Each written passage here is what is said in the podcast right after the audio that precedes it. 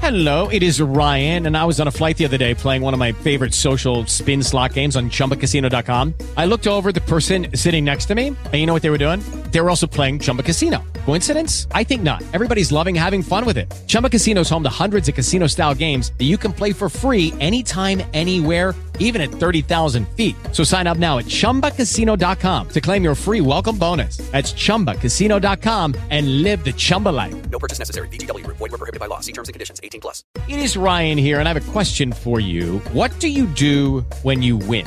Like, are you a fist pumper, a woohooer, a hand clapper, a high fiver? I kind of like the high five, but if you want to hone in on those winning moves, check out Chumba Casino. At chumbacasino.com, choose from hundreds of social casino style games for your chance to redeem serious cash prizes. There are new game releases weekly, plus free daily bonuses. So don't wait. Start having the most fun ever at chumbacasino.com. No purchase necessary. Group. Void were prohibited by law. See terms and conditions. 18 plus.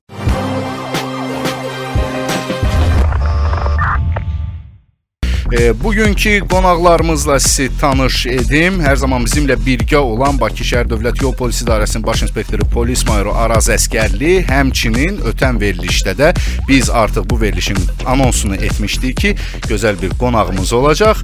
İkinci qonağımız isə Orxan Fikrətoğludur. Salam, hər ikinizi də salamlayıram. Axşamınız xeyir olsun. Axşamınız xeyirli olsun. Ee, Orxan müəllim, xoş gəlmisiniz, səfa gəlmisiniz. Ee, hesab edirik ki, bugünkü gün e, sizin gəlişinizlə əslində maraqlı bir tarixin yaxınlaşan bir tarixin e, ərəfəsindədir. Hesab edirik ki, bu günləri e, vaxtı ilə 147 il öncə milli mətbuatımızın banisi olan Həsən bəy Zərdabi ilə başlayan Azərbaycan mətbuatı daha sonra onun adı, adı digər formalarda müasir dövrə uyğunlaşdı. Oldu kütləvi informasiya vasitələri, sonra oldu media. İndi qanundan da bilirsiniz ki, kütləvi informasiya vasitələri sözləri çıxardıb artıq media haqqında qanundur. Yəni hər bir halda bu işin e, başlanğıcı ölkəmizdə e, ziyalı bir mühitin formalaşmasında çox önəmli bir addım idi və bu günlər əslində e, bir əsr yarıma yaxınlaşan Azərbaycan mətbuatından danışmaq ə, hər birimizi sevindirir, qürurlandırır. Ona görə ki, belə bir tarix ə, Azərbaycan üçün əslində çox ə, şanlı bir səhifədir. Evet. Ə, Bizim deməyimiz ki, Azərbaycanda ilk Azərbaycanın ali e, təhsil müəssisəsi, Şərqdə ilk təhsil müəssisəsidir ki, bu göstəricilərlə Azərbaycanda ilk opera, operatta, daha sonra e, biz Azərbaycan mədəniyyəti ilə Azərbaycan tarix, Azərbaycan mədəniyyət tarixinə düşən bir xeyli e, ilkləri öz ölkəmizin bu cəmiyyətin, bu insanın, bu vətəndaşın timsalında danışa biliriksə, bu bizim üçün qürur vericidir. Amma bütün bunlarla yanaşı e, cəmiyyətimizin özünə məxsus e, problemləri var. O problemlərdən biri də bizim bax bu verilişimizin hansı ki həftədə 2 dəfə e, biz burada bu müzakirələri aparırıq. E, təbii ki, yol hərəkəti qaydalarından danışırıq, mövcud problemlərdən danışırıq. E, əkinci e, çox spesifik tematik bir e, qəzet olub. Daha çox onun e, məqsədi həminki dövrdə adından bəlli olduğu kimi bu sferada olan insanları maarifləndirmə, daha sonra e, Azərbaycan mətbuatının bir e, qalxış dönəmi olub, Molla Nəsrəddinimiz var, Füyuzat var və e, və Kaspimiz var və sair və ilaxır bizim hansı ki e, mətbuat tarixinə də düşmüş böyük yolları olan, e, izləri olan qurumlardır, mətbu qurumlardılar. Və biz hesab edirik ki, Orxan müəllim, gələcəkdə e, indi e, bu tarixdir də. Yəqin ki, bir 100 ildən sonra Azərbaycan mediasını araşdıran şəxslər olanda bizim də e, Rauf elə bilmə ki, bu yaddan çıxacaq. Bax bu Avto FM-in e, sürücülərlə bağlı olan verilişləri də, həmçinin digər həmkarlarımızın apardığı mövzular da yaddaşlarda, tarixlərdə qalacaq. Orxan müəllim, mən biraz çox danışdım. Ürəyim dolu idi çünki. E, amma bu günləri istəyərik ki, biz e, daha çox sözü sizə verək. Bir ziyalı kimi, cəmiyyətin aydın düşüncəli insanlarından, insanlarından biri kimi e, mən açığı e, veriş gəlməmişdən öncə prodüserimiz bunu öz aramızda danışıram, dinləyicilərimiz eşitmir. heç kim E, eşitmir. heç kim eşitmir. E, e, soruşdu ki, Orxan müəllimi necə təqdim edək? Dedim, valla Orxan müəllimi başqa cür təqdim etməyə ehtiyac da yoxdur. Elə Orxan Fikət oğlu desən bəs eləyir. Buyurun Orxan müəllim. Buyurun. Çox sağ olun dəvətə görə. E, Azərbaycan dilində e, əvvəla geniş təhlilə görə çox sağ olun. Medianı e, təhlil etdiniz və medianı xatırladınız. Media bir yoldur və o yol əkinçidən başlayır və 147 ildir siz e, yəni şahidisiniz ki, e, həmin bu əkinçilik, toxum cücərməkdədir və ola bilsin ki, bəzi ağaclar e, Azərbaycan ləfzi ilə, Sabirin ləfzi ilə desəm əyri bitir, amma düz bitən ağaclar daha çoxdur mediada. Təbii. Bu bir yoldur. E, layihəni də belə başladıq. Bu bir yoldur. Bəli. Və biz bu gün təbii ki, yoldan danışacağıq. E, yol sakral sözdür. Yəni həm də ruhani bir sözdür. E, yol deyir Azərbaycan dilində fikir verirsinizmi nə qədər yol sözünün çalarları var. E, yol verin keçim, mənə yol verin, gənclərə yol verin. E, Yolun açıq olsun. Yolun açıq olsun. Dua alqışdır. Bəli, bəli. Getdiyim əli yolu haqqı. Hə, Baxın bilirsiniz, bunlar da bir bir mənası var. Məsəl üçün mən ə, e, bəzən kimsə and içəndə Orxan müəllim deyirdilər ki, getdiyim yol haqqı. Deməli yola and içirlər. hə, hə. Yol o qədər sizin sözünüzə qüvvət e, bir dəyərli bir geniş həm e, iqtisadi bir məfhumdan əlavə yol həm də o qədər ciddi bir mənəvi bir məfhumdur ki, bəzi insanlarımız yola and içiblər. Çox Siz bu dəyərli. şeyləri daha Çox dəyərli. dərindən araşdırmısınız, bilirsiniz. Misal üçün mən nənələrimizdən, babalarımızdan, böyüklərimizdən bir də görmüşəm ki, bir məsələyə and içəndə getdiyim yola and olsun. Yəni e, bu və yaxud da ki, bu əli yolu haqqı, yəni düz yoldur da. E, e, bax bilirsiniz bu, bu məsələlər. Arzman bu deməli bizim mentallıqda yol mədəniyyətinin, yol anlayışının mövcud olması ilə bağlıdır. Bir də ki, e, yol məsələsi e, daha çox Aşıq Veyselin e, gecə gündüz yol Bir dayan- yoldayam, bəli. doğulandan e, Bələkdən e, Qəbrə qədər bir yol gedirik.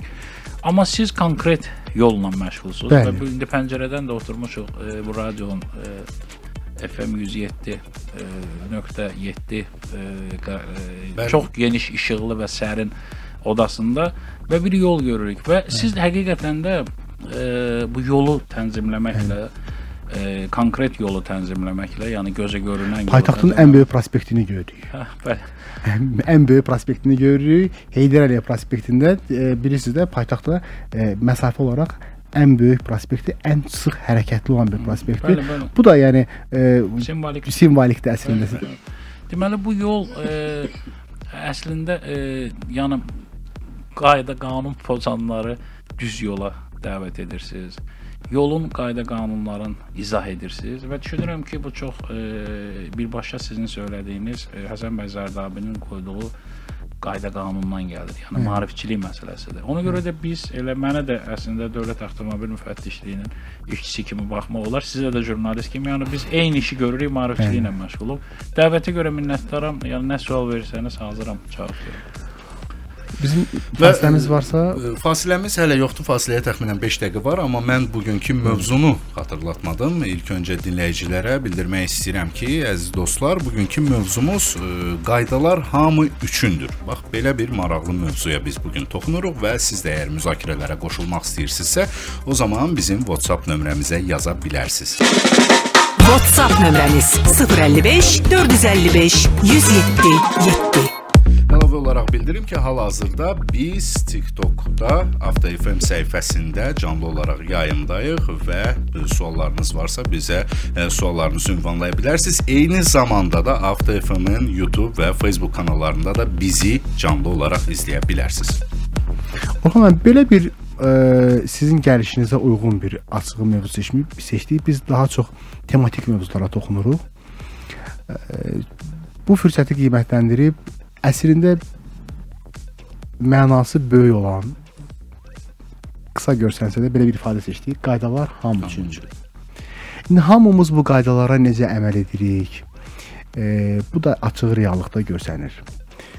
Əgər statistikalara baxsaq, yollarımızda ə, ölüm hadisələri, xəsarətlər Azərbaycan e, Respublikası əhalisinin sayına görə dünya ilə müqayisə olunanda çoxdur.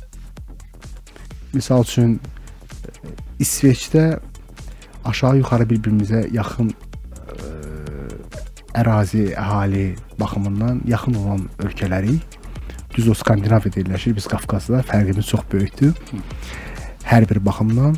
Amma ə, hadisələr il ərzində 6, 7, amma bizdə onlarladır. İl ərzində biz statistikalara baxanda hər il 300, 500, 600 nəfərdən danışırıq. Həyatının son qoyulmağından danışırıq. Gün ərzində xeyli qayda pozuntuları olur. Ən yaxşı halda inzibati protokolla bitir. Mən bəzən deyirəm ki, ə, kiməsə protokol yazılanda o hardasa sevinməlidir. Ki o bir sirkələndi də bu prosesdən. Yolda ona qayda pozuntusu kimi aşkarlandılar. Amma e, taleyin dayanması kimi olsa bu nə olacaqdı? Yəni geriyə dönüb kaş ki burdan keçməzdim. Kaş ki e, bunu etməzdim. Yəni o kaşkilərin olmadığı bir yerdir yol. Çox tez qərar. Biz bəzən biz ə, açıqlamalar verəndə deyirik ki, yol hərəkəti haqqında qaydalar, yol hərəkəti qanunvericiliyi həyati əhəmiyyətli qanunvericilikdir. Yəni çox hamıya sadə götürülür. Hamı bilir ki, bu Heydər Əliyev prospektinin bax biz gördüyümüz e, hissəsindən keçmək olmaz. Amma bax bizim gördüyümüz, hamının bildiyi bu prospekt boyunca nə qədər belə ərazilərdə insanlar keçiblər və dünyalarını dəyişiblər. Çox demirəm, bir 10 gün bundan qabaq Bəli, e, nəfər şəxs dünyasını. Bax bu yaxın bir ərazidə. Bax sizin biraz qarşıda e, iki nəfər şəxs dünyasını dəyişib, piyada qismində vurulublar. Və belə hadisələrin sayı çoxdur. Açığı bu hadisələrin çoxluğu bizi bir e, həm cəmiyyət olaraq narahat edir. Həm e, dövlət qurumu olaraq Daxili İşlər Nazirliyini ciddi şəkildə narahat edir. Amma e, mən hesab edirəm ki, cəmiyyət olaraq bizi hələ tam da ciddi şəkildə narahat etməyini hiss etmirik. Mən çox maraqlıdır. Siz e, sizcə biz qaydalara necə əməl edirik? Bir cəmiyyət olaraq qaydaları sevirikmi? Onlara əməl edirikmi? Ediriksə niyə bu qədər hadisələr var? Səbəbi nədir? Sizin baxışınızda. Çox sağ olun genel suala görə. Mən e, bilirsinizmi hardan başlamaq istəyirəm? Azərbaycan Gürcüstan sərhəddindən e, bir dəfə oradan qayıdırdım öz maşınımla və e, uzun bir növbə var idi. Və qəfil gördüm ki, bir belə e, qəşəng nömrəli, belə bahalı nömrəli bir şəxs, e, Bahalı yəqin, yəqin ki, bir halda bir maşın idi. Tə, təbii ki, çox bahalı və hündür bir maşın idi. Belə e, istəmirəm deyim markasını falan. Ehtiyac yoxdur. Hə, aydın da bir obrazdır. Bu iki Obraz. maşın sürətlə gəldilər, bu uzun növbəni atladılar, gəldilər, yandılar düz qabaqda. Və içərisindən həmin bu maşınlara uyğun iki belə e, qabaritli e, fiqur düşdü və e, Gürcü sadə bir serjant idi, səhv eləmirəmsə, bir Gürcü serjantına nəsə dedilər, sənəd göstərdilər falan. O da e, bunların üzünə baxdı və onlara dedi ki, qayıdın növbəyə dala. Orada durun. Və mən onda yaxınlaşdım və əslində utandım o adamlara görə və Gürcü serjantına dedim ki, e, bu insanların mənim millətimə heç bir adiyyatı yoxdur. Biz Azərbaycanlıyıq, biz e, bilirik qaydaları, qanunları və biz bir-birinə onları eşitdirirdik Bəli. təbii ki, biz bir-birimizə hörmət edirik və bu növbəyə hamımız eyni e, şəkildə dayanacağıq və riayət edəcəyik. Düşünürəm ki, e, həmin o insanın içində şuurunda olan özünə e, təkəbbürdən gələn, özünə vurğunluqdan gələn, səhv egodan gələn, bəlkə də şizofrenik elementlərdən gələn bir özünə vurğunluq və e, qaydalara riayət etməmək e, bir kişilikdir düşünən şəxslər Azərbaycanda az deyil. Kifayət qədər. Bu bir zümrə. İkinci zümrə nəyəsə arxayın olan, kiməsə arxayın olan zümrədir ki, düşsəm də e, keçəcəm, tutar radara düşdüm, nə olsun? Pulum var, verərəm. Cəriməsini ödəyəcəm, Hə, keçəcəm. ödəyəcəm, keçəcəm. Və yaxud e, kiməsə söyləyəcəm, o da kiməsə söyləyəcək. Ondan para alacaq, o paranı verəcəm. Hər hərə bir cürdə kiməsə arxayın. Bəli. Üçüncü zümrə cahillik. Savadsızlıq, qanun bilməmək və sabahı düşünməmək təhsil problemidir. Bu artıq təhsil e, problemidir ki, insan o dərəcədə savadsız. Qurbanəli bəylər deyəsi vardı Bəli, hələ. Bəli, Hələ ki Qurbanəli bəy obrazından qurtarmamış. həddindən artıq çoxdur. Əksinə Qurbanəli bəy o vaxt 3 dənə idi, indi 300 dənədir. Bəli. Yəni artmışıq da, say olaraq da artmışıq, e, cahil e, zümrə olaraq da artmışıq. Dördüncü təbəqə ən əsas daha çox bu piyadalarda rast gəlinir. Bu insanlar fərdi problemlərini, şəxsi problemlərini, öz qayğılarını o qədər e, bütləşdiriblər və öz içlərində böyüdüblər özləri üçün ki, bu da təbii ki, yol hərəkəti qaydalarına aid olmayan e, məsələdir. Amma bunun tənzimlənməsi burdan qaynaqlanır deyə onun haqqında e, düşünürəm e, gələcəkdə yəni Çox 10 Orxan müəllim çox üçün- düzgün bir məsələyə toxundunuz. Mən tam səmimiyyətlə deyirəm. Elə bir düşüncəmi, şuurumu bir rahatlığa apardınız.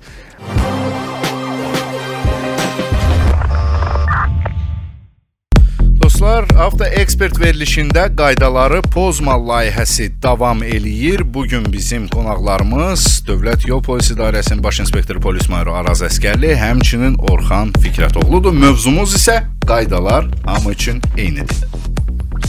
E, və biz e, reklamlardan öncə Araz müəllim söz Bəli. sizdə idi. Bəli, bəli. Siz reklamlara getdiniz, iqtisadiyyatı seçdiniz. Biz də məcbur olduq, e, keçdik Biz ki. buna məcbur idik amma. Bəli, bəli, bəli. Aydındır biz nə deyirik ki? Biz. E, e, buyurun fikirləri davam etdirək. Yəni biz əslində reklam fasiləsində də kifayət qədər danışdıq. Orxan müəllimin, Orxan müəllimin o gözəl replikaları var. Deyir biz də məcbur olduq, toxumuz verdik. E, çox- bir şeydə yolla e, Bəli, əlaqəlidir. İndi ə, biz açıq Orxan mən bir situasiyanı danışdı ki, hansı ki belə bir özü üçün əlavə üstünlük yaratmaq istəyənlə yolda yaxınlaşdıq, rastlaşdıq və başqa bir millətin, əslində eyni bir regionun nümayəndəsi ə, Mən açığı, açıq. açığı bu Qafqazda olub, və siz bunu Azərbaycan sərhədində görmüsüz. Və bu prosesə bir müdaxiləsini elədi, göstərdi. Orxan müəllim belə maraqlı bir məntiqi e, ardıcıllıq var ya fikirlərimizdə. Bu, bu hər şey ilahidəndir də. Mən mən həmişə belə qəbul etmişəm. Yəni Ayağımıza dayan daşı da Allahdan belə. Bəli. Elə belə heç nə olmur. heç həyatda həqiqətən də heç nə elə belə olmur, elə belə baş vermir. Bax birisi Orxan müəllim çox maraqlı olan nədir? Bizdə e, bax bu inzibati xətalar məsələsində maraqlı maddələr var ki, onlar hələ də Azərbaycanda öz aktuallığını itirməyib. Bəzi nəqliyyat vasitələri göy, qırmızı, sayrışan işıqlardan istifadə edirlər. Böyük yüksək də cərimələri var özdə. Bəziləri xüsusi səs siqnallarından, hansılar ki, bu operativ nəqliyyat vasitələrinə qoşulur. Onlar üçündür. Özü birisi də bunların oxumam dünyada qəbul olunmuş standartları var. Bu səs siqnallarıdır, işıqlardır. Bu dünyanın hər bir yerində belədir. Azərbaycanda bunu biz şəxsi mülki nəqliyyat vasitələrində az aşkarlamırıq. Və mənə çox maraqlı gəlir ki, həmişə deyirdim Orxan müəllimi görsəm bu sualına verəcəm. Niyə biz belə üstün olmaq istəyirik ki? Yəni bir mənə çox maraqlıdır. E, dünyanı da gəzmisiniz, görmüsüz, gəzirsiniz, görürsüz. Bir ingilis, bir alman avtomobilinə göy qırmızı sayışan işıq və xüsusi səs siqnalı qoyub. Sizcə sizcə onun ağlına gələr belə bir iş görmək? Heç ağlına gəlməz, heç təsəvvüründən keçirməz. Bizim o Üstəlik bununla öyünərmi də? Bir mentallıqla şey- bağlıdır. Bizim bir gözəl məsələmiz var. Deyir, istəmirəm heyvasının narını, qoy desinlər Ələsgərin bağı var. Heç bağ istəyir desinlər bunun bağı var. Heyvanlar da əkmək istəmir. E, Sadəcə övünmək istəyir ki, bunun bağı var da. Bu düşünürəm ki, e, sizin söylədiyiniz e, bu gerçəkliyə bir açardır da. Amma məsələ daha dərindədir düşünürəm. Bu e, mədəniyyət məsələsidir. Bilirsinizmi? E, bir e, bir balaca danışdıq biz insan faktorundan da, yəni insan resursu. Ola bilsin ki, təhsil almayıb, ola bilsin cahildir, kitab oxumur falan. Bu belə şeylər ola bilər.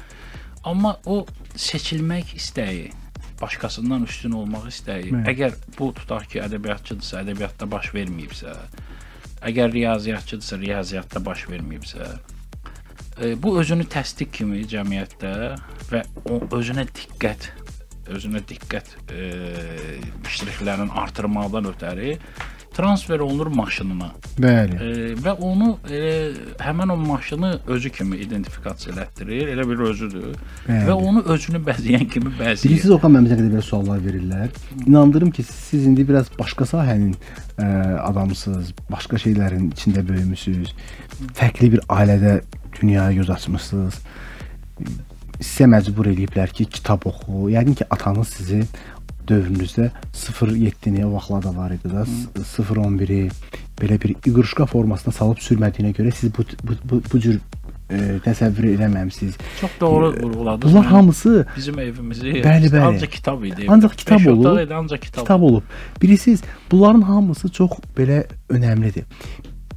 Bəlkə bizim cəmiyyətimizdə kitab çatmır. Çatmır. Çatmır. Çox doğru vurğuladınız. Heç Baxın, telefonlar var hamıda qoşa-qoşa. Sizdə də var, məndə də var. Mən baxıram, e, bir neçə nəfərdən soruşmuşam ki, bir tanıdığım adamlardan ki, bir telefonunuzda e, indi bu müasirləşib də onlayn e, formada olan e, kitablar var. Eyni zamanda elektron qaydada yüklənilən kitablar var. Yəni varmı nəsə baxırsınız, neyinirsiniz? Yəni Orxan müəllim, bu sosial şəbəkədə hamının əlində telefon var. Reallıqdır. İki nəfər bir-birinə söhbət edir, yenə telefon. Yolda keçir piyada, qulağında telefon, e, qulaqcıq. Baxa indi də e, təzə bir trend yaranıb. Əvvəllər qulaqcıqla keçirdilər. İndi tam dünyadan təcrübə olur. Həm qulaqcıq var, həm də belə telefona baxa-baxa keçirlər. Avtomobildə bir siqnal verir o yandan, biri bu yandan. Belə bir bəzən mən fikirləşirəm ki, bu nə ağılla necə yolu keçir? Bir vətəndaş kimi bir polis olmağı qoyar kənara. Necə yaşayır? Biz heç bir yolu keçdi getdi. Bu bu evdə necə yaşayır? Bu tutaq ki, bu sabah evlənməlidir, bu sabah bunu bir oxumalıdır, cəmiyyətə bir e, faydalı bir insan olmalıdır. Bunu heç qulağından ayırmır. ayrılmır. Mən, biz biz indi bu müxtəlif növ e, sosial şəbəkələr var. Bilmirəm, Siz yəqin ki onda yoxsuz görməmisiniz. E, amma mən e, deməzdim ki, onda çoxlu vaxt keçirmək lazımdır. Faydalı məlumatlar da var, hansı ki biz bölüşürük. Məsəl üçün bizim Avto FM-in e, TikTok səhifəsi var. Siz, bir- siz biraz mikrofonu siz sözünüzə yaxınlaşdırın. Səs prodüserimiz deyir ki, səs efirə getməsi üçün. Hə.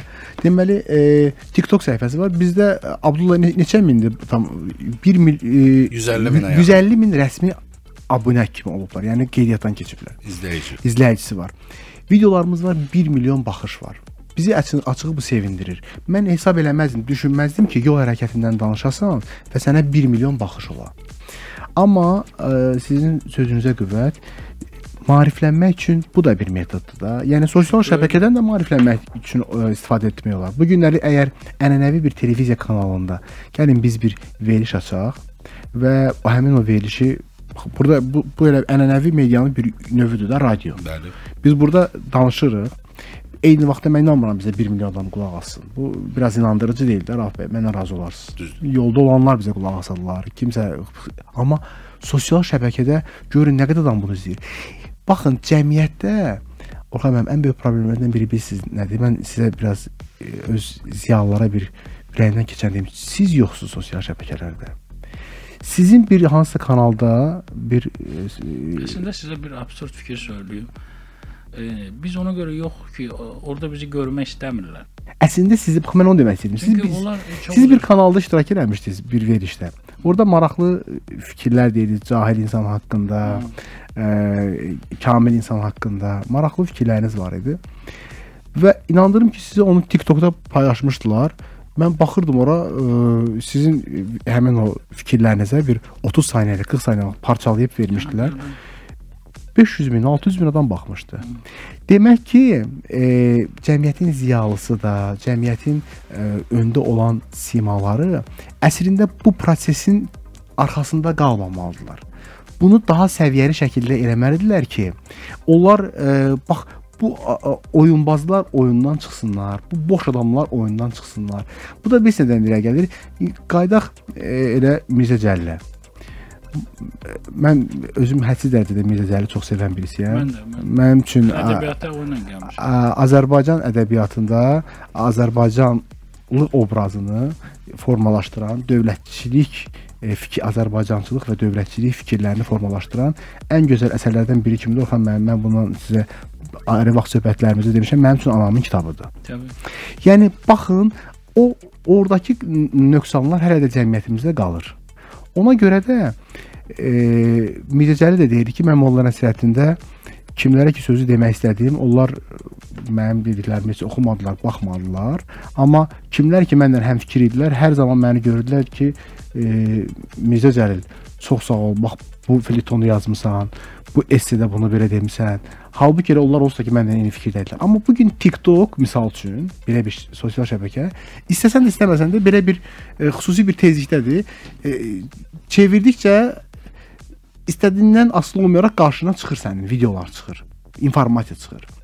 Olmazmı ki biz o videoların, o informasiyaların içərisində onsuz da ki buna görün nə qədər adam baxır. Bu ciddi bir media siyasətidir. Görün buna nə qədər adam baxır. Biz həmən e, yerlərdə o təbliğat yönümlü ist- istənilən məsələlərdə təbliğat yönümlü videolar yerləşdirək. Qoy baxanda istəmədən görsünlər də onu Orxan müəllim. Araz müəllim, siz çox elə dərin bir məsələyə toxundunuz ki, düşünmürəm bizim verilişin formatı o müzakirələrə çata. E, xaos da harmoniya ola bilməz. Bəli. Bir. İkincisi bu sosial şəbəkələri yaradan mən deyiləm, siz deyilsiniz, Təbii. biz deyilik. Bir şey ki yaradılıb o idarə olunur. O idarə olunursa hansısa maraqla idarə olunur. Bəli. Çox təəssüf ki, həmin idarə olunan və həmən e, maraqlarla idarə olunan mühitdə Azərbaycançılıq, dövlətçilik, Azərbaycan dövlətinin təməl prinsiplərinə xidmət sizin kimi, mənim kimi insanların çox çətin olur. Çünki orada patokdur da, elə bir ki, bir axındır. Amma oyunu pozmaq olar ya Orxan müəllim. Olur da nə, indi mən e, fikrimi sadəcə izah eləməyə çalışıram. E, sosial şəbəkələrdə əslində mən varam, daha Bəli. çox e, Facebookda varam. Niyə görə varam? Sadəcə mənim adımdan bir 10-15 dənə Orxan Fikrətoğlu e, səhifəsi açılmışdı və mənim adımdan paylaşımlar eləyirdilər. Hep bəzən hekayələrimi də qoydular ki, inandırıcı olsun Bəli.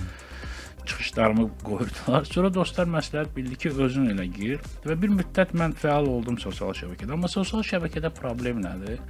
E, e, təbii ki, baxış çoxdur.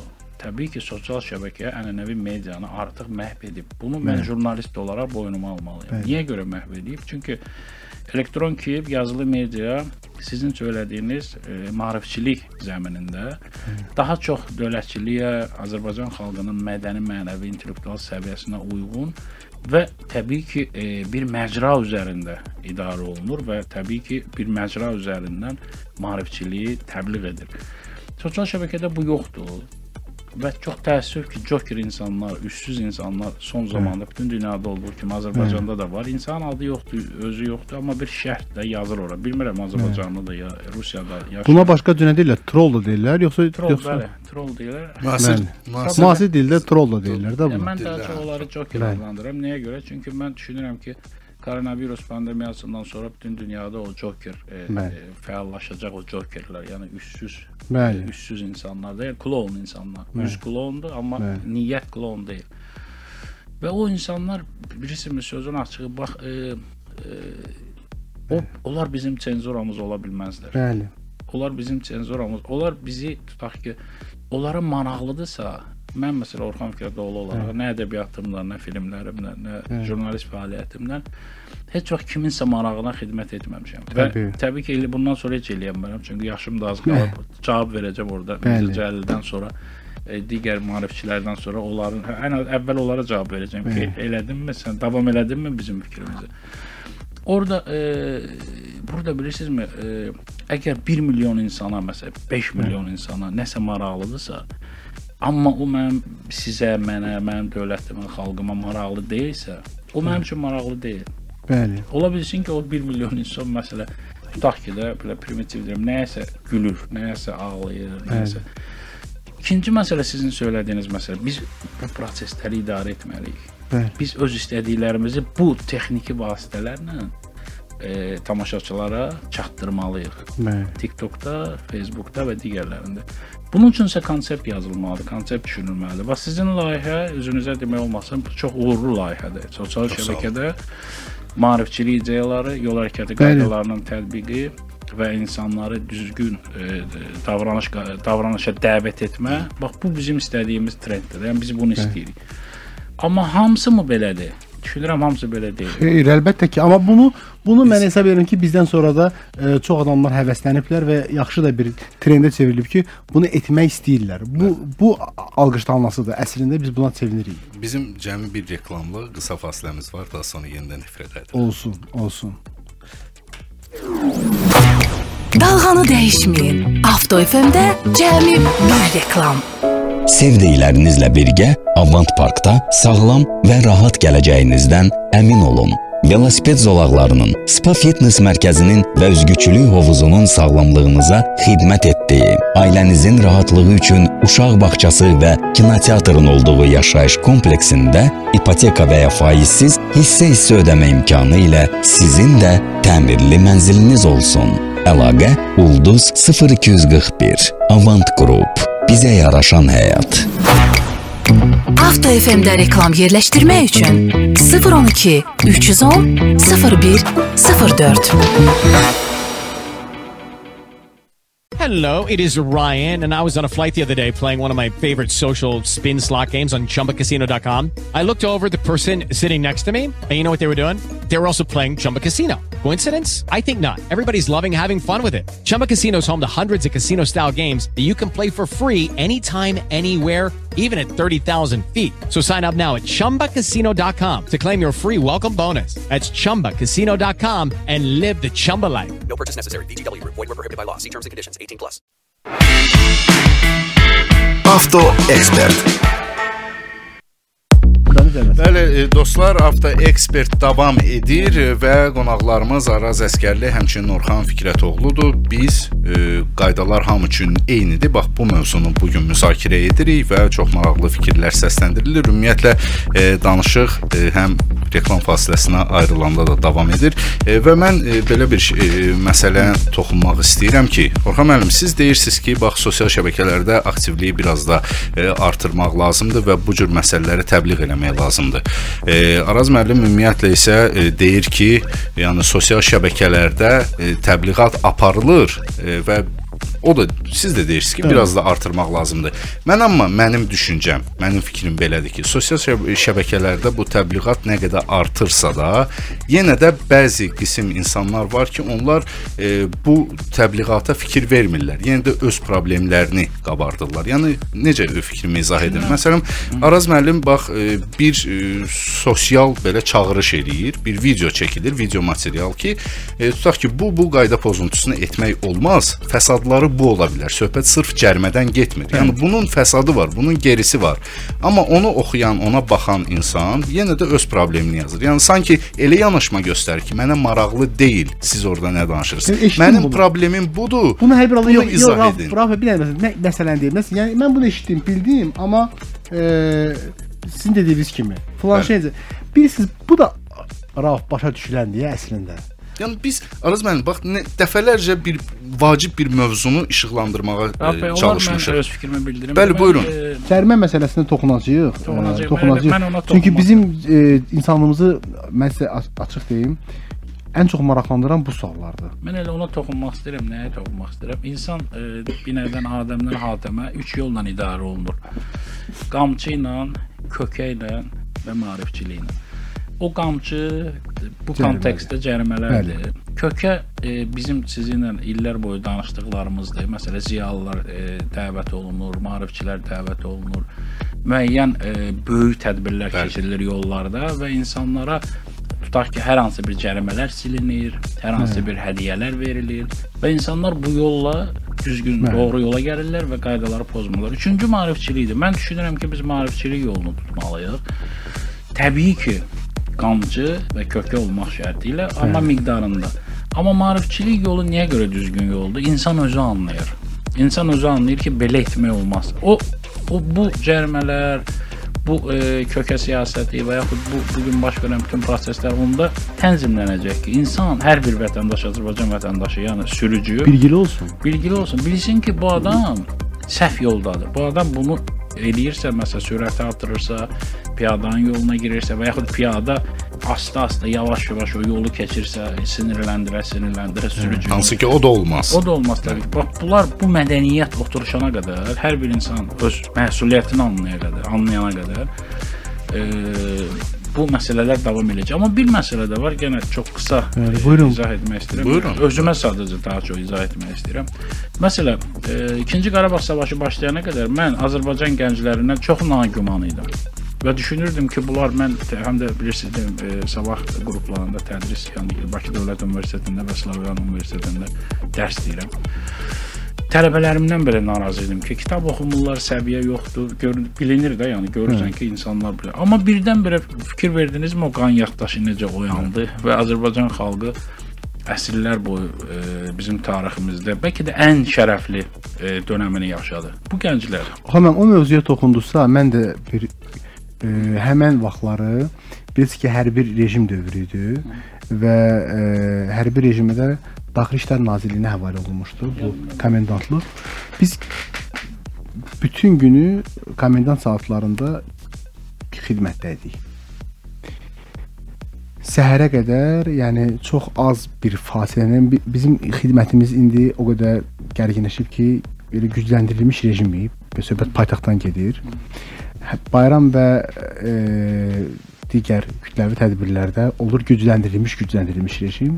Müharibə İki qat gücləndirilmiş. Müharibə vaxtı amma, müharibə vaxtı amma ona artıq gücləndirilmiş demək olmaz idi. O tam e, 24 saatlıq xidmət hamı üçün idi. Yəni bir bir bir bir e, evə ancaq paltarlarımızı dəyişib işə qayıdırdıq da. Yəni başqa bir e, bütün gün sutkanı hamı işdə idi. Yollarda elə gözəl bir vəziyyət var idi.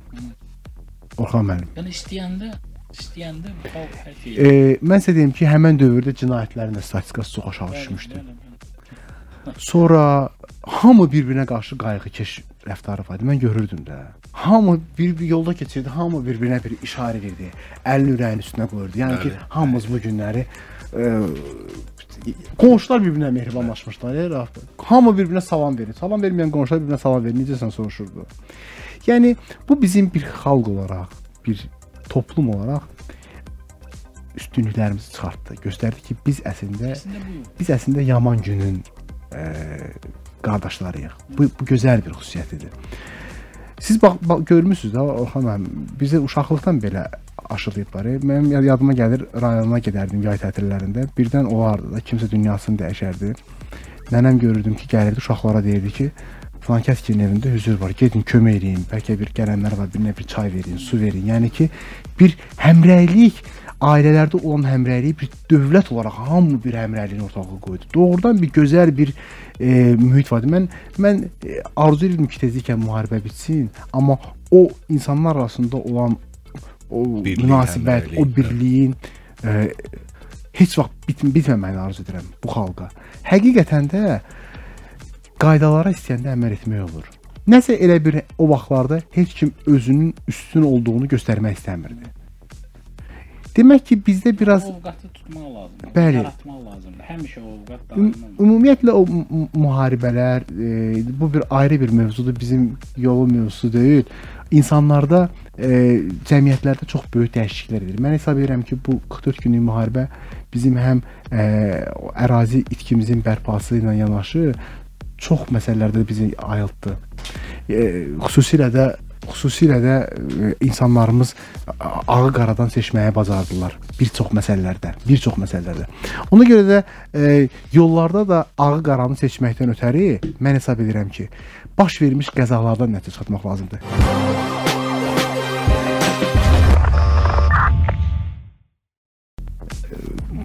bir məsələ də açmaq istəyirəm və bu bu mövzu ilə də e, qəzalarla bağlı, qəzalarla bağlı, qəzalarla bağlı. Oxan mənim qəzaların özü də o, o qəza vəziyyəti də yaranması və qəza baş verəndən sonra e, məsələyə münasibət e, mən istəyirəm siz fikrinizi bildirəsiniz. Bu nə məsələdir? Bizdə qəza olur. Bir 5 nəfər maşından qəzaya baxır. Bəli 6 nəfər yığışır böyrünə. O e, Bakılı olanlar səhv eləmirəmsə bunu parod eləmişlər ki, qoy gedim tumalım gəlirəm. Bax mən istəyərdim ki, cəmiyyətin e, bir ziyalısı kimi bu hardan qaynaqlanır? Siz heç nə qədər bunu təhlil eləmisinizmi? Yəni qəza biz görmüşük problemi olanda ölü kömək edirlər. Yəni baxmaq gəlib ona baxmaq, yolu kəsmək. Siz inanırsınız ki, qəza olanda qəza törədənlərdən çox yola baxanlar daha çox e, yolda sıxlıq əmələ gətirirlər. Bu e, qapı deşiyindən başqasının taleyinə baxan insanlardır. Əslində bu gün bax həmin bu istəkdən bu bioloji hadisədir. Yəni hər bir insanın içində bir maraq var.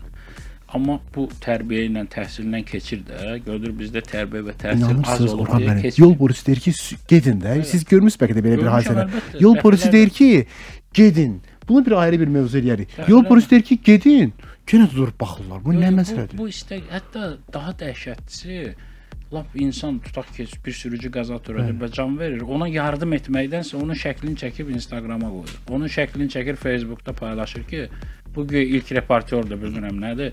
İnsana sən yardım elə, insana e, onun sağlamlığına yardım etməkdənsə onun şəklini çəkir. Yəni bu artıq xəstəlikdir də. Bəli. Düşünürəm ki, bu e, həmin bu təbii prosesdən istifadə edilir. Məsələn, televiziyada tutaq ki, bilirsiniz, belə Bəli. layihələr var, məsələn, Bəli. şoular var ki, başqasının e, taleyinə qapı deşiyindən baxır və ona maraqlı gəlir. Bu da maraqdır, maraq, maraq. Amma bunu e, yəni bu proses baş verir və bunun baş verməməsi üçün mütləq o həmin o sürücü e, müəyyən prosedurlardan keçirilməlidir. Siz tərəfindən, ziyalılar tərəfindən təhsil, tərbiyə, qaydalar. qal- Düşünürəm ki, Azərbaycan reallığında, bugünkü reallıqda təəssüf ki, ona da cərimələr tətbiq olunmalıdır yəni. Çünki başqa cür mümkün olmayacaq. O yanacaq- sizi görmüşkən bir dənə də maraqlı sual verəcəm.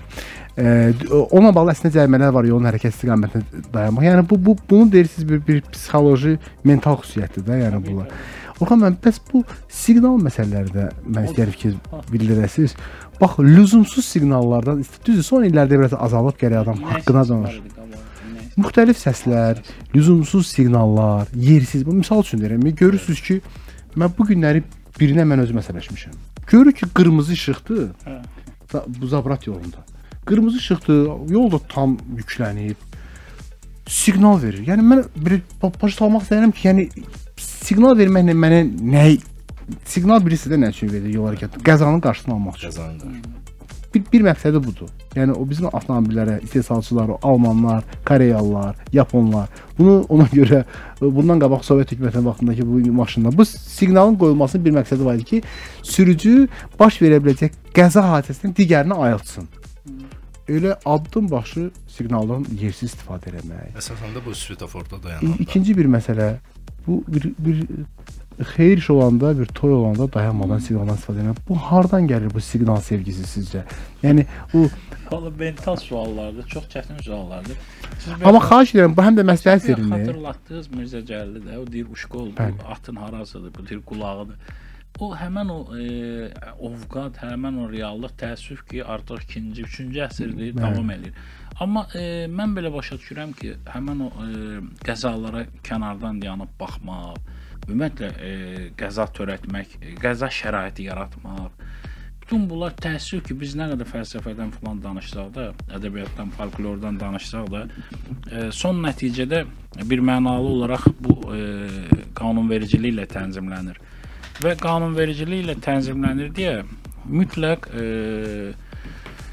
qanunvericilikdə müəyyən e, düşünürəm reformalara ehtiyac var. Məsələn, ola bilsin ki, e, svetoforlar azaldılsın. Yəni Bəli. yollar daha geniş olsun, yəni gediş məsafələri uzun olsun. Bu təbii ki, bu da zaman tələb edir. Bunu Svetoforların əsrində Orxan müəllim bir mən bir maraqlı bir statistika deyim.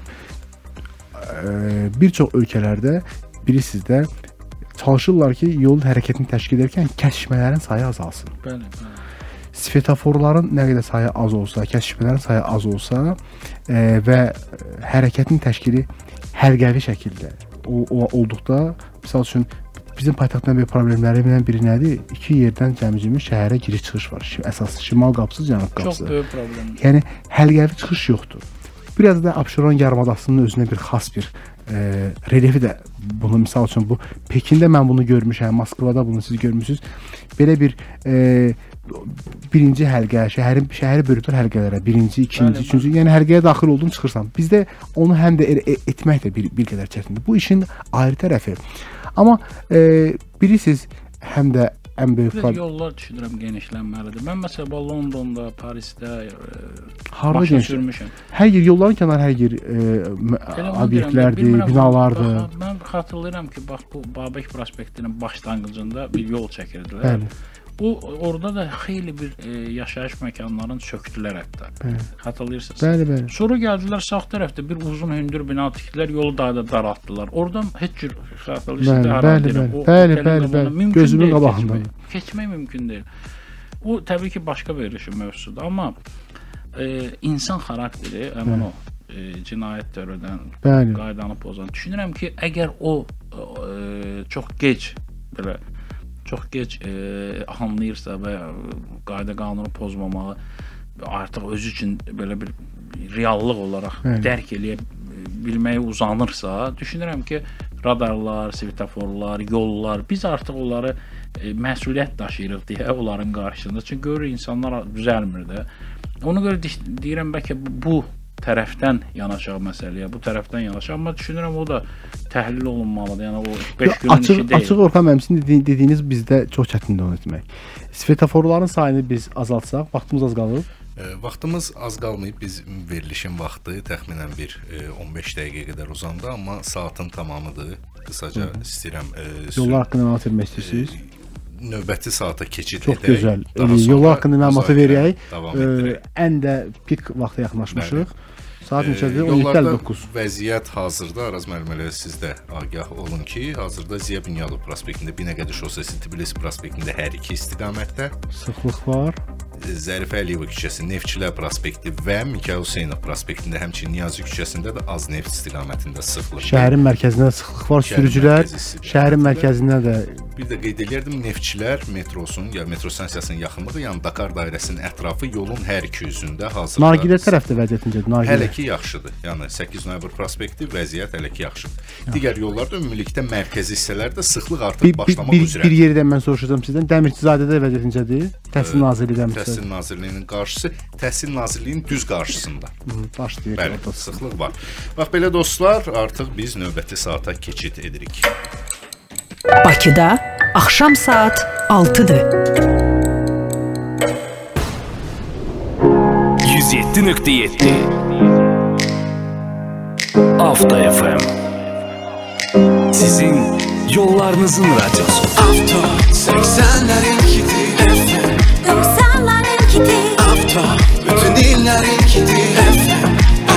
hitler. Expert. Bəli dostlar, Avto Expert verilişini dinləyirsiniz və Araz Əskərli, həmçinin Orxan Fikrətoğlu bu gün bizimlə birgədir. Mövzumuz isə qaydalar hamı üçündür. Belə Mən açığı Orxan müəllimi görmüşəm, ürəyim də doldu.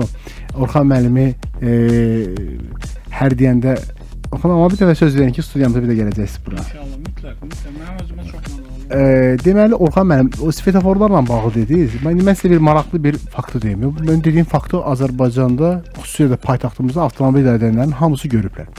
İki cür yol ayrıcı var. Nizamlanan, nizamlanmayan. Nizamlanan yol ayrıcı təbii ki svetoforlandır.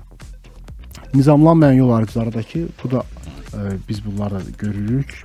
Şey, paytaxtın və digər regionlarda kifayət qədər var. Sıxlıq olan vaxtı və hamısının keçilmə qaydaları var. Svetoforun siqnalları ilə hərəkəti birinci sinif şagirdindən tutmuş hamı bilir. Amma bütün bunlara baxmayaraq günün pik saatlarında svetofor olan yerdə Raf, sən də bir avto ekspert kimi Bəli. günün günün pik saatında svetofor olan yerdə nizamlayıcının dayanıb yol tənzimləməsinə necə baxırsan? Və yaxud siz necə baxırsınız Orxan müəllim? Əməlli başda əslində karikaturadır. Və bu nizamlanmayanı başa düşdünüz, tələsdiniz, keçdiniz yol ayrıcına.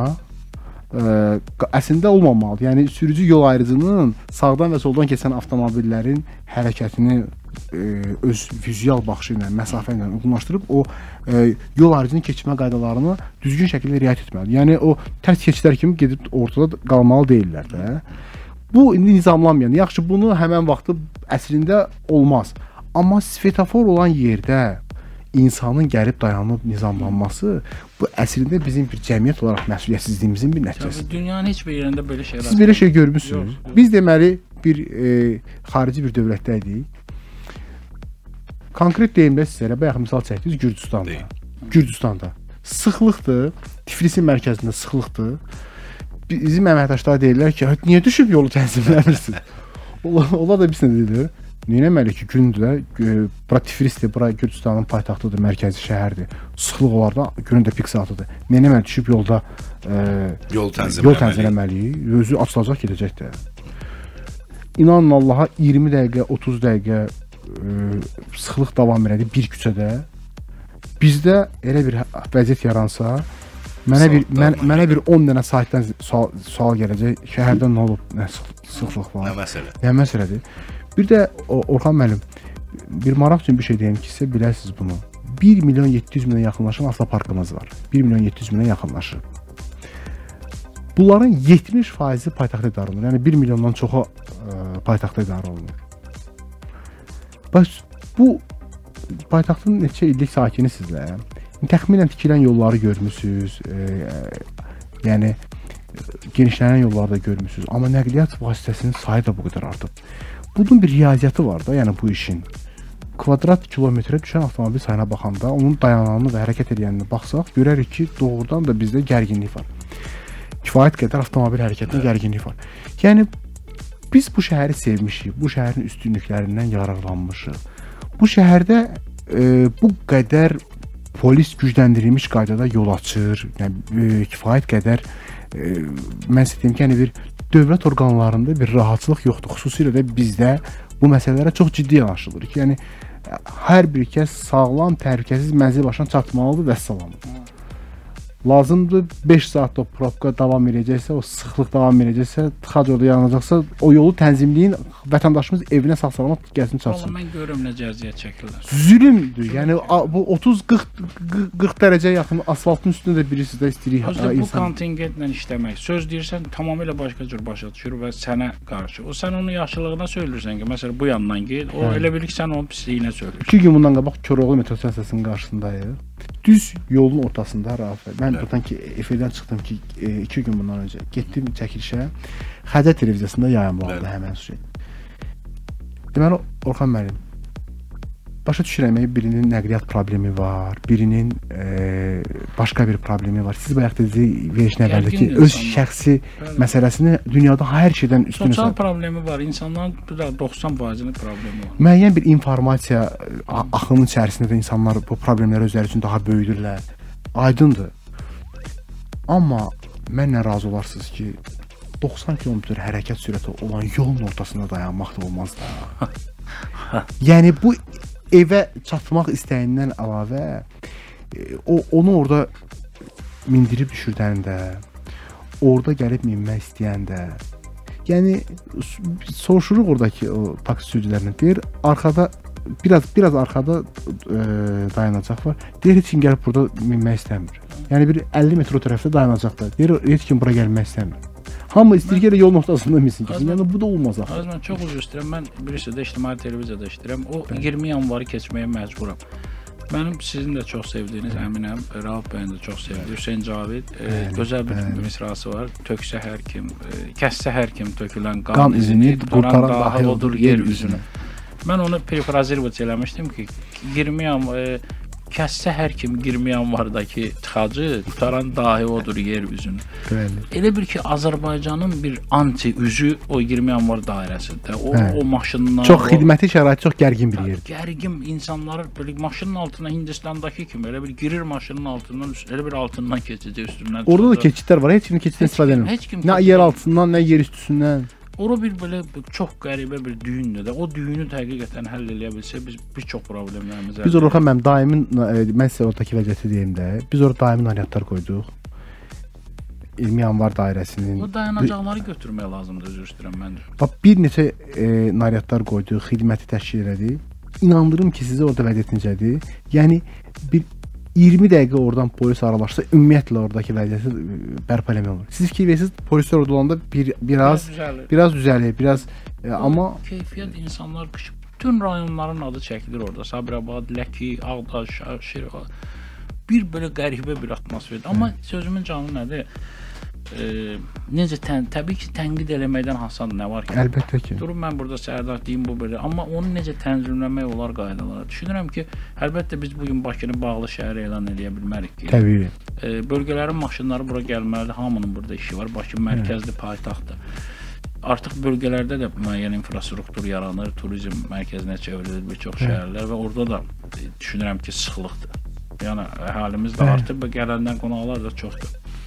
Amma məncə sizin söylədiyiniz variant ən doğru variantdır. O dairəvi yolların e, Bəli. tikilməsi və yolların genişləndirilməsi əlbəttə ki, obyektləri sökmək də maliyyə tələb edir, evləri sökmək də maliyyə tələb edir, amma başqa yol yoxdur, çünki infrastruktur artıq bunu tələb eləyir. O dairəvi yollar, körpülər, 3 qat yollar, 4 qat Bəli. yollar, belə məsələn Londonda var idi. Bəli, bəli, bəli. Yəni bunlar da zamanla olacaq, amma Orxan müəllim, verişimizin bitməyinə vaxtımız Hələ var, atılsa da, hələ var. ə, mən istəyərdim ki, vaxtımız var. Var, Vaxtımız var, çox gözəl. Mən mən istəyərdim ki, biraz da məsuliyyət hissindən danışaq. Deməli, əziz e, dinləyicilər və izləyicilər, bizim studiyamız biraz so, e, soyuqdur. Deməli, söz veriblər ki, Orxan müəllimi bu günlər burada e, tam so- soyuq dəyməklə göndərsinlər. Yox, Xahiş edirik, xahiş edirik, elə edin ki, studiyamıza bir də Orxan müəllimi çağıra bilək. Deməli, e, Orxan müəllim, məsuliyyət sizdə azdır. Mənlə razı olasınız. Deməli, poçt qutusunda orada məsuliyyətindən dayanır da o poçtun başında. Amma biraz elə bir e, biraz o düzdür təbii ki, bəlkə də e, biraz fərqli formada mən fikrimi is- istəyirəm izah edirəm ki, bax görürsüz, o məsuliyyətindən orada dayanır. Amma bu günləri biz biraz məsuliyyətindən poçt qutusunun başına dayanan məsuliyyətli insan olacaq. Həm də o nə qədər avam olsa da həm də məsuliyyətlidir də. Avamdır, avamdır, qoy elə qoysun çıxsın getsin də səhv deyirəm. Amma amma onda bir məsuliyyət var. Əslində yazıcı həm də orada bir e, insanın o avamlığındakı məsuliyyəti də göstərib. Amma bu günləri bizim cəmiyyətimizdə e, Orxan müəllim, məsuliyyət hissi aşağıdır. Təbii ki. Məsuliyyət hissi özdə e, məsuliyyət hissi sizin o bayaq misallar çəkdiniz. Daha çox mən sizə inandırım ki, cərimələrə görə müəyyən qaydaları pozmurlar cəmiyyətdə. Bax bu qədər danışırıq, deyirik. Cərimələrə görə qayda. Məsəl üçün e, şəxsi saxlayırsan yolu keçəndə, Raf. Bir görsən əsəbləşir. 20 manatlıq protokoldur, yazın çıxım gedim də. Var. Deyirsən ki, yəni burdan keçmə də. Və yaxud da ki polis əməkdaşı əli ilə göstərir ki, gəlmək istəyənə. Orxan müəllim əlinə göstərir ki, qayıt dala. Qayıt dala. Gəlir. Görə belə də gəlir. Mən mən özüm gördüyümü deyirəm sizə. Konkret yeri deyəcəm sizə. Bu haqlar ə, Dostluq. dostluğu. Baxın, həmin o ərazidə. O, Orxan müəllim. Əlimlə özümü deyirəm ha sizə. Əlimlə ə, gündəlik yol patrul əməkdaşları deyirlər ki, eyni şeyi biz burada hər gün edirik. Əlimlə deyir ki, qayıt dala. Gəl yol keçir. Hə biraz da bir əsəbləşir. 20 manatlıq protokoldur da, yaz da. Həmən yoldan qaytarırsın da. Belə baxanda, belə baxanda o da düz deyir. 20 manatlıq protokoldur. Biz belə bir görüntü yayırıq ki, bax yolda piyada bax bu cür məsuliyyətsiz zəmində yolda vuruldu. Altdan o bizim bizdə bilirsiniz nə qədər komment olur o Facebooklarda, TikToklarda, heç başqa ölkələrdə inanmıram bu qədər şərhlər olar. Biri yazır ki, bunun cəriməsi 1000 manat olmalıdır. Yo- Yolun nəzərdə tutulmamış hissəsindən keçənin cəriməsi 1000 manat olmalıdır. Özü də bədbəxt oldu, onu vuran sürücü də. Bir adam demir, biraz məsuliyyətli olmaq lazımdır. Nə? Necə ki cəmiyyət ancaq cərimədən danışırsa, bizdən suallar verir, ancaq onu soruşursa. Elə e, məsələnin həlli yolunu da əslində ancaq onu həmin o hissəni göstərir. Bax, bir nəfər bir nəfərə yazmır ki, bəlkə məsuliyyətli olaq. Bəlkə bunu eləməyək. Bəlkə biraz dəyişək. Araz müəllim, eyni yanaşma siz indi piyada keçidləri ilə bağlı dediniz. Bəli. E, Qanunsuz dayanan e, avtomobillər, yol kənarında park edən avtomobillərdə də bəzilərində hamısını aid etmək olmaz. Bəzilərində də elə yanaşma var ki, sanki deyirlər ki, mən avtomobili burada park edirəm və mənim avtomobilim e, digər avtomobillərə mane olur olsun Bunun mənə heç bir aidiyyəti yoxdur. Sadəcə uzaqbaş mənə cərimə gələcək. İndi müəyyən qədər 40 manat e, cəriməsi var. 20 manat, 20 manat 20 və Bəli. 40 40 olan yerlər də var da. Yəni, Yəni 146 20 ki, avtobus dayanacaqlarında Məbləği ödəyirəm, amma avtomobilim burada dayansın. Belə yanaşanlar da var. Amma Hələ biz qanunvericiliyə bir dəyişiklik də oldu bilirsiniz Bəli, də. Hə, Elə yanaşanlar üçün tam belə münbit bir şərait yarandı da. Yeni qanunverici olmuş dəyişiklikdə. Avtomobili qoydu, e, çıxdı getdi, tərpəşdirmədi qaldı orada. Gün ərzində 20 manat məbləğində cərimə. Bəli. Bunun özünə, bunun özü bir e, ayrı bir. Biz sizlə bir yadınıza salarsınız Rahat bəy. Bir veriş edərik, hansı ki dayanma durma tərəfləri ilə bağlı beynəlxalq təcrübənizdədir. Mən sizə bir maraqlı bir e, misal verirəm. Demək mən təhsilimlə bağlı getmişdim Niderland krallığına. Orada bir Azərbaycan vətəndaşı səfirliyə müraciət eləmişdi. Mənə oradakı e, həmkarlar dedilər ki, deməli orada biz necədir dayanma durma qaydaları ilə bağlı. Bizdə 20 manatdır cərimə, bir də avtobus dayanacağında e, yaxın 15 metr məsafədə avtobus, yəni açıq deyim də avtobus dayanacağının içərisində saxlayanların 40 manat. Bu lap gülməlidir də. Yəni avtobus dayanacağının içərisində avtomobilin park edir. Avtobus gəlir yolda saxlayır. Təsəvvür edin. Sərnişin də yolun ortasına düşür. Kimsə də avtomobili saxlayıb düz avtobus dayanacağının içərisində. Amma avtobus da yolda saxlayır, o da var. Avtobus da çox vaxt bilisinə görə yolda saxlayır. Düz yolun ortasında. Da, elə vaxt olur ki, dayanacağına e, daxil ola bilmir. Elə vaxt olur ki, intervalları səhv olur, 5-i birdən yaxınlaşır dayanacağa. Orada dayanacaqda mümkün deyil ki, e, mən misal üçün hər gün Sabunçu körpüsünün keçəndə görürəm ki, avtobus özü- deyim ki, yolda sıxlıqlı yox, işdən gec çıxıram. Saat 9-da e, ona işləmiş, oradan keçirəm. Bu da bir mövzudur. Avtobus sürücüləri bir mövzudur. Baxır, baxırsan ki 5 dənə e, avtobus eyni vaxtda dayanacaq. Baş, başqa vaxtı bəhanə sıxlıqdır. Saat 9-10-a işləmiş, burada nə bəhanə var? Həmin yolu mən də gəldim də avtobusun gəldiyi yolu. 5 avtobus yaxınlaşır dayanacağa. Burada intervallarda falan bu, bu da bir ayrı bir mövzudur. Bəli, bəli. İndi e, nə- nə demək istəyirəm sizə? Həmin o Haqada belə bir yanaşma var idi. Elə yer var ki, Orxan müəllim, misal üçün də bizim ərazimizdə müqayisə edək. Neftçilər prospektində yolun ortasında saxlayan cəriməsi, e, misal üçün deyirəm, onlarda şəhərin mərkəzində yerlər var ki, 300 avroluq dayanma durma qaydasını pozmaq var, 10 avroluq var, 20 avroluq var. Misal üçün Hövsanda hansı yolun qırağında saxlayıb orada da saxlamaq olmaz qadağandır. Oradakı e, deyək ki 20 manatdır. Gəlib saxlayıb düz Neftçilər prospektində, Bəli. 28 may küçəsində gəlib saxlayıb Heydər Əliyev prospektində kifayət əhəmiyyətli bir yerlərdə dayanıb yolun ortasında saxlayır. Yəni onun da cəriməsi 20 manat, bu birisininki də. Yəni bizdə bizdə e, yanaşmada müəyyən məsələlərə yanaşmada ümumiyyətlə bir fərqli sırf dayanma durmada fərqli yanaşma olmalıdır.